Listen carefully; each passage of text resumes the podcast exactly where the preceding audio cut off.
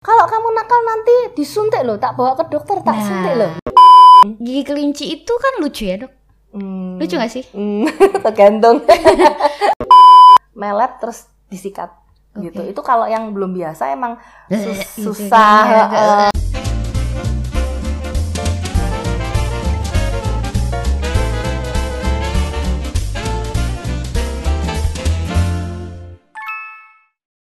Dokter Debrania Halo. Santoso. Kembali lagi. Selamat datang kembali di Namstop. Iya. Kalau kemarin-kemarin kita udah bahas soal eh, gigi, tuh pertumbuhan gigi. Mm-mm. Sekarang aku mau nanya-nanya nih soal perawatan gigi anak. Boleh. Jadi eh, kan rekomendasinya adalah bawa rutin anak ke dokter gigi. Mm-mm. Itu dimulai usia berapa dok? Eh, usianya sedini mungkin. Sedini mungkin ah, tuh jadi gimana? biasanya kalau sudah mulai keluar giginya, Mm-mm. Nanti datang ini kita ajarin nih mama gimana caranya eh, membersihkan gusi Oke. dan lidah Mhm. gitu. Karena bayi juga lidah perlu dibersihkan Mhm. supaya eh, dia nanti kalau sudah mulai makanan padat nih, Mhm. dia bisa taste makanan lebih oke. Oh gitu. Mm-mm, Jadi karena lidahnya, nggak ketutup sama Mhm. sisa-sisa susu dan bahkan kalau menjamur di situ kan bikin baunya nggak enak. Mhm. gitu. Terus dok berarti eh, mulai dia tumbuh gigi Mm-mm. atau kalau mus- mungkin mengalami terlambat tumbuh gigi juga ya dok ya, Ya, kayak harus bisa. dikonsultasikan ke dokter gigi bisa. juga.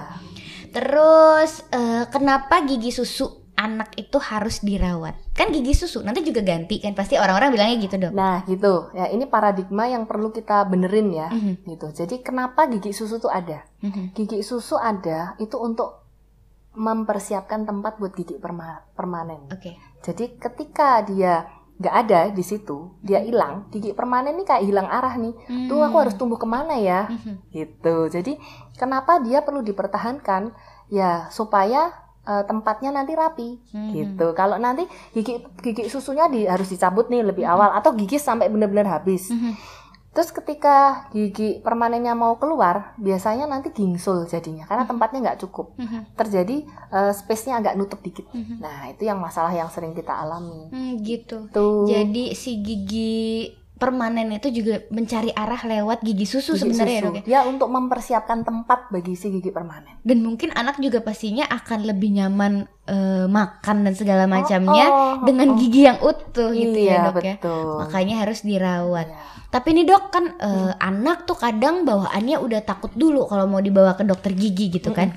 Mm-mm. Nah, gimana eh, caranya supaya anak tidak takut dibawa ke dokter gigi? Eh, caranya adalah membawa anak Mhm. tidak pada saat dia cabut gigi Mhm. atau gigi sakit. Oke, Jadi pas fine fine aja kenalin dulu oke. gitu. Kalau dia datang pertama kali pas hanya mau cabut atau karena gigi Bermasalah sakit, gitu ya. istilahnya ada trouble di situ, dia akan takut duluan, Mhm. mentalnya sudah down dulu. Tapi Oke. kalau dia datang dengan suasana yang fun, nggak apa-apa, nggak ada yang sakit, yuk kita hitung giginya. Nah, Mhm. dia akan merasa bahwa oh dokter gigi itu nggak menakutkan kok gitu dan orang tua juga biasa ini kadang ada kan orang tua yang kalau kamu nakal nanti disuntik loh tak bawa ke dokter tak Nah. suntik loh nah itu nggak boleh gitu Iya. karena dia akan dia belum tahu tuh dokter itu apa dokter gigi apa gitu tapi dia udah kayak takut Mindsetnya udah menakutkan. oh, oh, gitu Jadi membawa anak ke dokter gigi ya sebenarnya nggak susah-susah banget ya dok ya kalau kitanya nggak salah gitu kan. ya Maksudnya iya sih bener sih make sense sih kalau bilang eh, bawa ke bawa anak ke dokter gigi sebelum ada masalah gitu betul ya. Jadi benar-benar kenalin dulu. Toh kita juga bisa mendapat ilmu banyak sebagai orang tua kayak cara bersihin gigi yang bener, Mm. cara bersihin lidah segala macam juga Mm-mm. ternyata penting Ya. gitu. Terus eh, ada nih ya dok ya beberapa mulut bayi Mm-mm. itu bau biasanya karena apa dok? Nah itu tadi karena lidahnya nggak disikat Mhm. gitu. Jadi sisa-sisa susu itu kayak istilahnya ngerak lah di situ. Nah Mhm. makanya kita harus biasain sikat lidah bayi juga.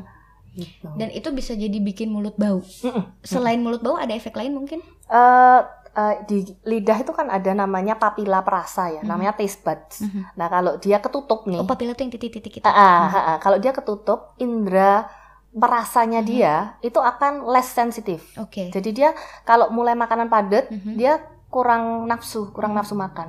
Jadi merasakan makanannya jadi eh, ke reduce Ah, gitu ya. ah, ah, ah, Jadi, ah, nggak enak Kalau dibersihin pokoknya Kalau dia jadi lebih bisa dibersihin, merasakan. ya ah, ah, dia bisa lebih taste Oke. gitu. Terus nih dok, eh, ngomongin soal karies. Ini kan banyak banget nih kasus anak usia berapapun itu bisa terjadi gitu kan. Karies pada gigi alias biasanya ada yang gigis, ada yang eh, pokoknya ada yang coklat-coklat Ah, doang ah, gitu ah, dok. ah. Nah itu penyebab utamanya tuh apa sebenarnya dok? Eh, rampan karies ya kita bilangnya. Kalau beda kalau karies itu satu dua gigi. Kalau Mm-mm. rampan tuh biasanya cepet menyeluruh langsung habis Oke. gitu. Nah eh, kurang lebihnya kenapa bisa terjadi? Karena biasanya diet dan habit Oke. gitu. Jadi dia makan manis-manis terus Mhm. seharian. Dia nggak bersihin dengan properly. Jadi manisnya nempel kan di gigi. Mhm. Kuman ini suka di manis. Sama dia manis itu Eh, ya. eh, dia di situ dia berkembang biak dan dia ngeluarin zat-zat sisa. Nah, itu yang bikin emailnya dia tuh akhirnya rusak. Oke. Jadi dia bisa melunakkan email yang keras. Oke. Akhirnya habis. Akhirnya habis tuh Ah, giginya. ah, Akhirnya ah, juga bi- ternyata dampaknya si Sakit. rampan karies ini juga ternyata bisa sampai ke pertumbuhan giginya ya dok ya. Mm. Pertumbuhan gigi yang permanennya yang nanti. permanennya. Jadi kalau giginya sudah terlanjur habis di awal kan permanennya nggak dapet tempat lagi. Biasanya tempatnya kurang. Mhm, betul betul. Gitu. Terus eh, itu eh, bisa diatasi Mm-mm. sebelum karies itu bisa diatasi dengan perawatan yang benar. Yang Mm-mm. salah satunya adalah sikat gigi. Iya. Nah kita kan harus ngebiasain anak sikat gigi dari mulai kapan sih? Dari mulai sudah tumbuh gigi atau dari sebelum mungkin udah harus disikat. Eh, kalau belum tumbuh gigi, Mm-mm. mamahnya kan yang nyikat. Mhm. Nah, biasa saya sarankan pakai antara sikat silikon atau pakai kasa aja Oke. untuk diusap aja. Mhm. Dan itu juga untuk merangsang gusi Mhm. supaya nanti lebih tumbuhnya lebih cepat Mhm. Gitu. Terus kalau sudah mulai belajar motorik halus, Mhm. ya kan, dia Mhm. Mhm. kasih ke dia kepercayaan dengan sikat Sikat gigi. gigi sendiri. Gitu dan belajar kumur juga itu yang penting karena kan kebanyakan ada beberapa kumur yang salah loh. Mhm. Jadi kumur masuk air Masuk doang, tapi dibuang. eh, eh, buang atau kumur tapi yang gerak nih kepalanya nih kanan kiri kanan kiri padahal kan yang kita harapin kan me- dia kontraksi dari otot-otot Mhm. pipinya dia gerak supaya bersih Mhm. nah itu ajarin dulu kumur yang benar pakai air mateng Hmm. Nah. oh airnya air matang biar Dia kalau ketelan nggak apa-apa ya. iya Oke. Terus di dok itu kan eh, kalau aku dulu ya pakai yang silikon itu kan waktu bayi. Mm-mm. Itu silikonnya ada yang sininya ada bulunya. Mm-mm. Silikon juga ada di baliknya itu ada kayak titik-titik doang. Itu untuk apa tuh dok? Eh, kalau titik-titik biasanya untuk ininya, untuk gusi, untuk area gusi atau Oh, lidah, gitu. biasanya gitu. Oke. Tapi eh, pakai bulu juga oke kok, pakai yang bulu juga bisa. Gak apa-apa ya. Aku takut kayak Tergantung- terlalu kasar gitu. Tergantung apa-apa. nyamannya yang mana, Oke. gitu. Itu pakai silikon terus kalau udah pakai sikat gigi yang lembut dulu ya. Dok? ah, sikat gigi anak kan, Mhm. pasti sikat gigi anak lembut kok, Oke. gitu. Itu eh, udah mulai boleh pakai odol. Mm-mm. Itu usia berapa? S- usia gini, jadi kalau udah mulai pakai odol, kalau saya, Mhm. ketika dia sudah bisa kumur dengan bagus, Oke. gitu. Karena Karena eh, begitu dia bisa kumur bagus, dia bisa eh, buang tuh sisa odolnya, reduce. Jadi eh, odolnya itu sebenarnya tidak aman untuk gigi. Apa Bukan- kalau bukan- kalau bukan- ketinggalan di gigi? bukan saya bilang tidak aman ya, Tapi- tapi, akan lebih oke kalau dia sudah bisa kumur, sudah bisa dengan Hmm. bagus, eh, sisa odol bisa keluar gitu. Karena kalau terlalu banyak bubbles itu juga nggak bersih. Oke, kebanyakan Ah, ah. busa gitu Ah, ya. itu ah. Ma- bersih. bahkan eh, kadang di Indonesia ini kebiasaannya kalau kasih odol tuh banyak banget tuh. Mm, kayak Jadi- soalnya di iklannya kan gitu dok banyak.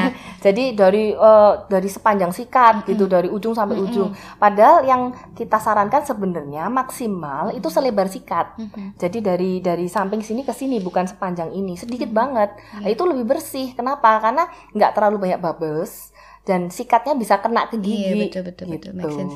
Terus aku dulu juga pernah sempat baca tuh ada artikel yang Hmm. bilang kalau usia kalau nggak salah satu tahun Hmm. itu eh, odol itu dikasih cuma sebiji beras sampai sebiji jagung aja gitu. Ya bisa, boleh, Boleh ya boleh. ya? Heeh. Oke, yang penting kalau mau mulai pakai odol sambil belajar kumur. Belajar kumur dulu di awal. Oke. Heeh. Terus soal ngajarin sikat gigi sendiri nih dok. Mm-mm. Sikat gigi sendiri itu kan sebenarnya kadang-kadang tidak percaya ya. Kayak Mm-mm. aku sama anakku yang sampai sekarang aku lakukan anakku usianya 21 bulan. Mm-mm. Sampai sekarang yang aku lakukan adalah eh dia pasti kan mau mau pegang sendiri Mau sikat sendiri, sendiri. iya. Ibu dulu aku Mm-mm, bilang, ibu mm-mm. dulu yang sikat ya. Nanti kalau sudah selesai ibu kamu boleh gitu. Mm-mm, Akhirnya mau Mm-mm. masih mau disuruh mangap, disuruh ini ke Mm-mm. sini sampai Mm-mm. belakang-belakang ke atas ke bawah gitu segala macam dia masih mau. Mm-mm. Habis itu kumur-kumur, habis itu udah dia pegang sendiri, Mm-mm. sikat gigi sendiri tanpa odol. Mm-mm. Gitu Mm-mm. dong. Apakah benar? Eh, kalau saya dibalik, Oke. jadi anaknya cowok ya? Cewek. Oh cewek. Oh Cewek. ya. Oke sih anaknya cewek. Dia eh, sense untuk mencobanya dia tinggi. Iya. Kasih dia kesempatan. Mhm. gitu jangan eh, kadang kalau kita apa apa nggak boleh apa apa Mm-mm, nggak boleh itu mm-mm. kasihan juga kan Mm-mm, anak biar dia coba dulu di awal nah ketika dia sudah coba Mhm. kita yang kita lakukan ayo nih mama cek ya Mhm. nanti mama kasih skor kamu bersihnya Mhm. gimana baru kita sikatin lagi Oke. jadi biarkan di awal dia coba Oke. gitu Cuma aku tuh kadang s- eh, yang bikin aku duluan adalah karena dia mintanya pakai odol. Gitu Oh, kan? Ya kan jadi kalau oh, dia tapi pakai odol bisa duluan, kumur udah udah udah. udah bisa kumur nggak masalah sih kasih odol sedikit nggak apa-apa Oh gitu, yang penting kumur ya dok ya. iya Ntar kita sikatin pakai odol lagi. mm-mm. Oh gitu, nggak apa-apa ya dok? Eh, odolnya kan sedikit kan Mm-mm. Eh, ya cuman cuman untuk rasa-rasa lah istilahnya makan Biar kalau sikat manis-manisnya. Ya, kalau sikat yang kedua yang tanpa odol juga enggak apa-apa kok, Mama. Oke.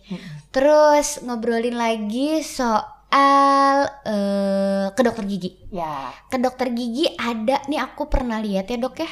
eh, anak sekitar usia SD, mungkin usia-usia baru tumbuh gigi permanen, itu eh dia pakai behel. Mm-mm. Boleh nggak sih dok sebenarnya anak-anak pakai behel? Kalau menurut keilmuan saya boleh, Boleh ya? boleh. Mhm. Ah, karena gini, prinsipnya gini. Eh, kita udah lihat nih anak ada kelainan, entah dia maju merongos istilahnya atau entah dia gugut. Why we have to wait? Mhm. Kenapa kita harus nunggu sampai dia udah gede baru kita rawat? Udah jelas ada kelainan di situ. Kita bisa intervensi masuk di situ. Kalau misalkan nih rahangnya kurang berkembang, kita pacu perkembangannya. Kita kasih Oh, gitu. alat biar rahangnya biar berkembangnya bisa optimal Mhm. gitu. Atau rahangnya over berkembang, kita tahan developmentnya, kita tahan, kita Oke. kasih alat. Bisa. Kalau Oke. saya nggak apa-apa. Jadi behel untuk anak itu ternyata ada fungsinya juga Ya. dan baik juga gitu Dan ya. harus dilakukan oleh yang ahli loh ya. Oke. Jadi nggak bisa sembarangan. Iya gitu, karena kan eh, ada ilmunya, Mhm. ada tekanannya yang harus kita pakai, Mhm. yang mau dipasang gigi mana aja, alatnya juga beda gitu. Oke, jadi sebenarnya boleh asal konsultasi dulu dan Mm-mm. memang benar-benar terdiagnosa dan harus dibehel gitu ya. Ah, dok ya. ah, ah, ah. Terus nih kalau misalnya kita mau ke dokter gigi lagi pandemi kayak gini, bawa anak ke dokter gigi sebenarnya gimana sih dok? Aman tidak? Oke. Dan bagaimana? eh, prosedur, iya prosedurnya. prosedurnya yang jelas harus bikin appointment dulu, Mhm. karena kita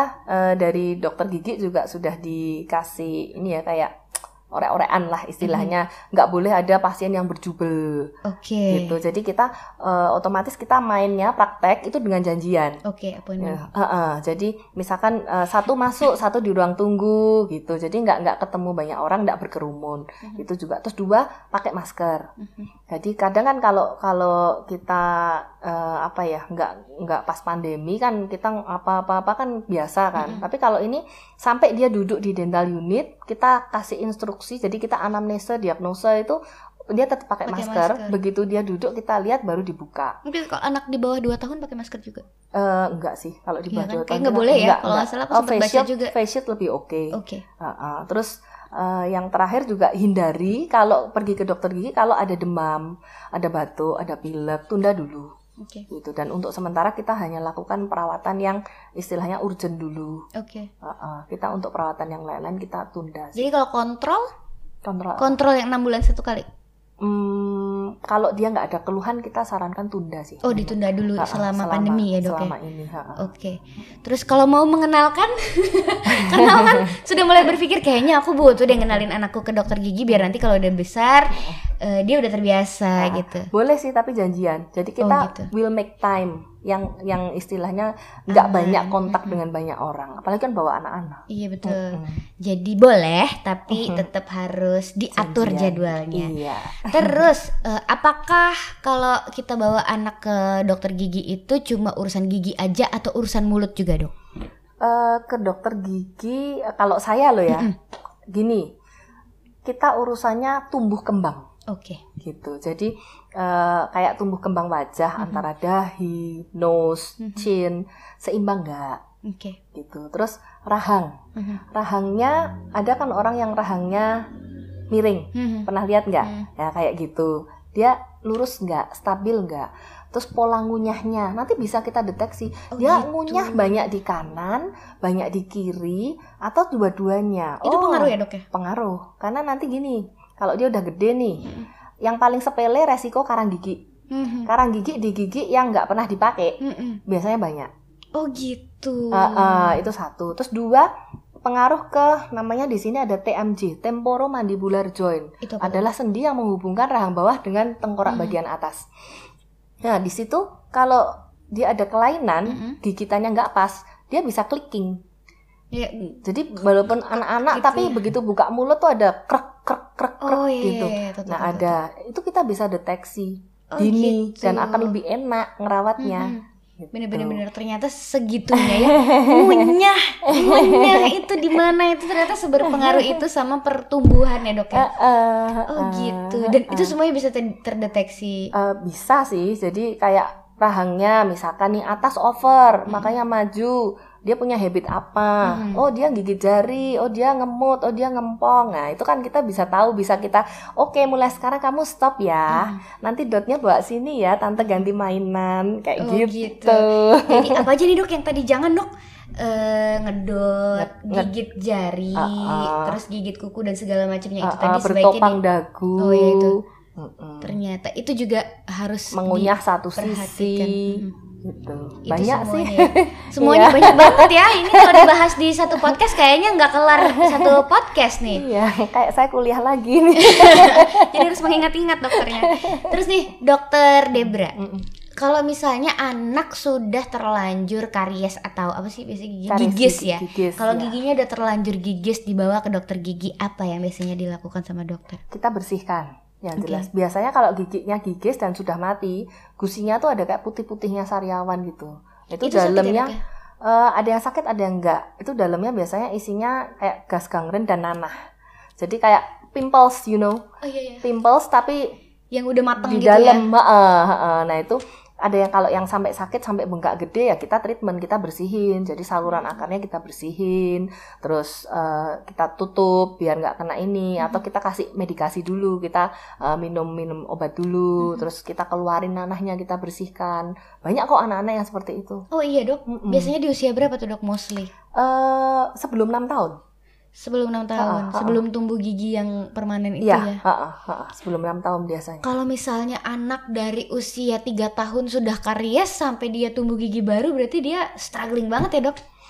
iya dan biasanya untuk pengucapan agak susah Oh iya bener cadel ya. Iya, dan kasihan banget untuk anak-anak yang kayak belajar ngaji, Mhm. kayak gitu, karena dia Susah. susah lang- lafalnya kalau Iya, giginya hilang. Terus eh, gigi kelinci. Mm-mm. Gigi kelinci itu kan lucu ya dok? Hmm. Lucu gak sih? Hmm, tergantung. itu pasti pada anak soalnya kayaknya mostly anak kecil tuh punya gigi kelinci gitu kan? Apa apa enggak? Eh, istilahnya kelinci itu jadi gigi seri kan, Mhm. tapi maju dua gitu. Iya kayak dua di depan maju yang kayak sekarang agak lebih panjang daripada gigi yang lain gitu.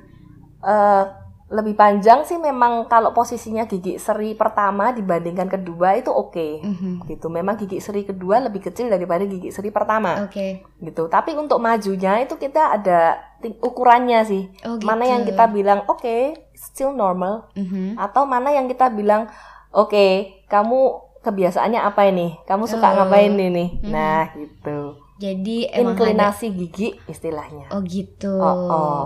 Terus apalagi ya dok? Aku sampai bingung nih mau bahas apa.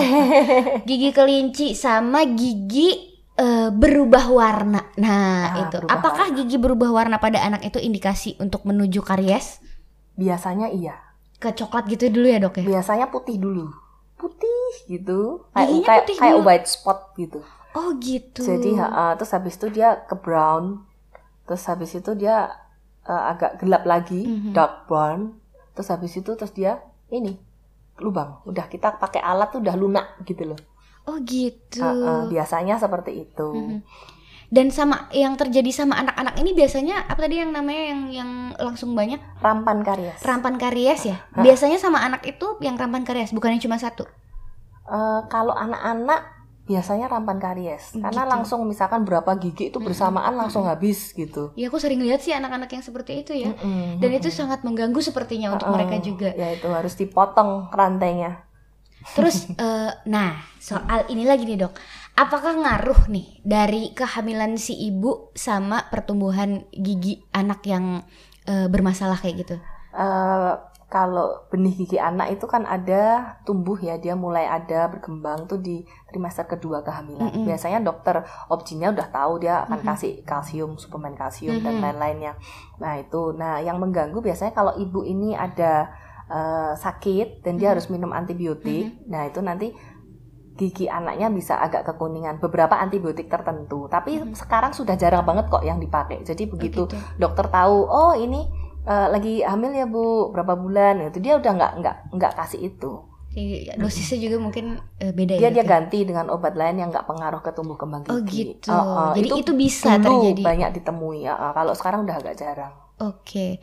Terus tapi ada juga nih yang agak-agak rancu juga menurut aku soal ini soal dari mulai si ibu hamilnya bermasalah Mm-mm. sampai nanti jadi gigi anaknya juga bermasalah karena mungkin ngaruh nggak sih dok si kuat enggaknya gigi anak itu Mm-mm. ke asupan ibu waktu eh, hamil karena gigi itu kan tulang juga ya dok? kalsium ya kebanyakan kalsium kalau dia kurang kalsium ya bisa tapi kalau sekarang kan diet sudah oke Iya makanya. dan ibu hamil pasti kontrol kan ke dokter Mm-mm. kandungan dan dia pasti kasih suplemen kalsium jadi Oke. di Indonesia sayanya enggak sih kalau memang gigi anaknya nanti trouble Mm-mm. saya lebih concernnya tuh berarti ke habit, dan Habit diet itu tadi. Iya Heeh, benar. pola hidup dan dietnya dia Mm-mm, mm-mm. cara pembersihannya gimana di situ Itu berarti faktor Mm-mm. utamanya itu ya. Tidak Mm-mm. bisa menyalahkan genetik juga ya dok. Enggak. Meskipun ada beberapa kasus genetik juga. Mm-mm.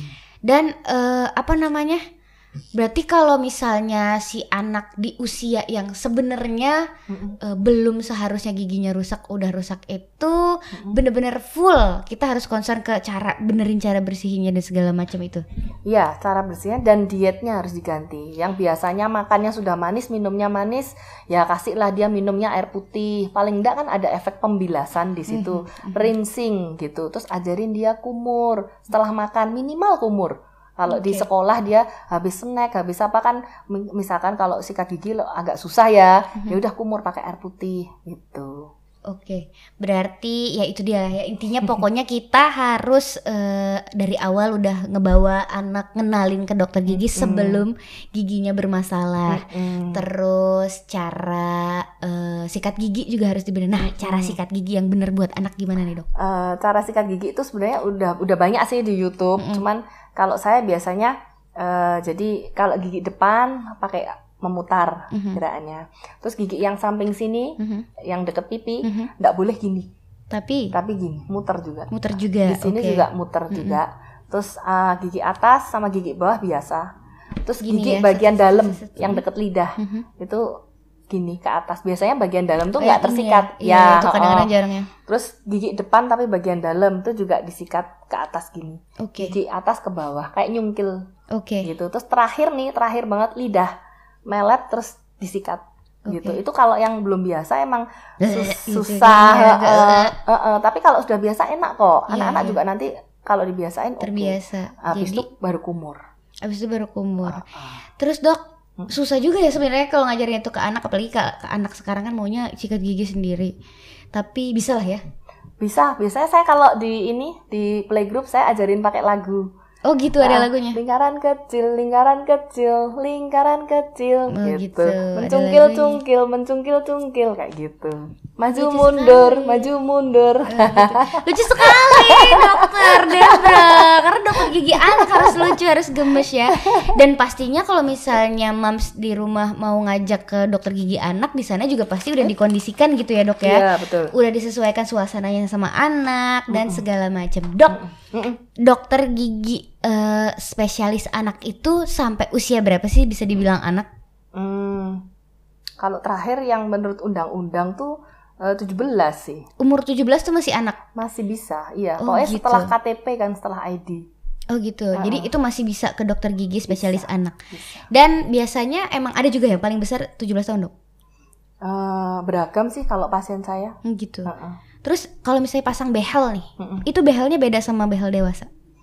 Eh, tergantung kasusnya. Oke. tergantung kasus. Jadi based on the case and based on the patients gitu. Jadi kita bisa tentukan, oh kamu pakai yang ini yang ukurannya kecil, oh kamu pakai yang ini yang lebih lebih kuat, kamu pakai ini, kamu maunya gimana gitu.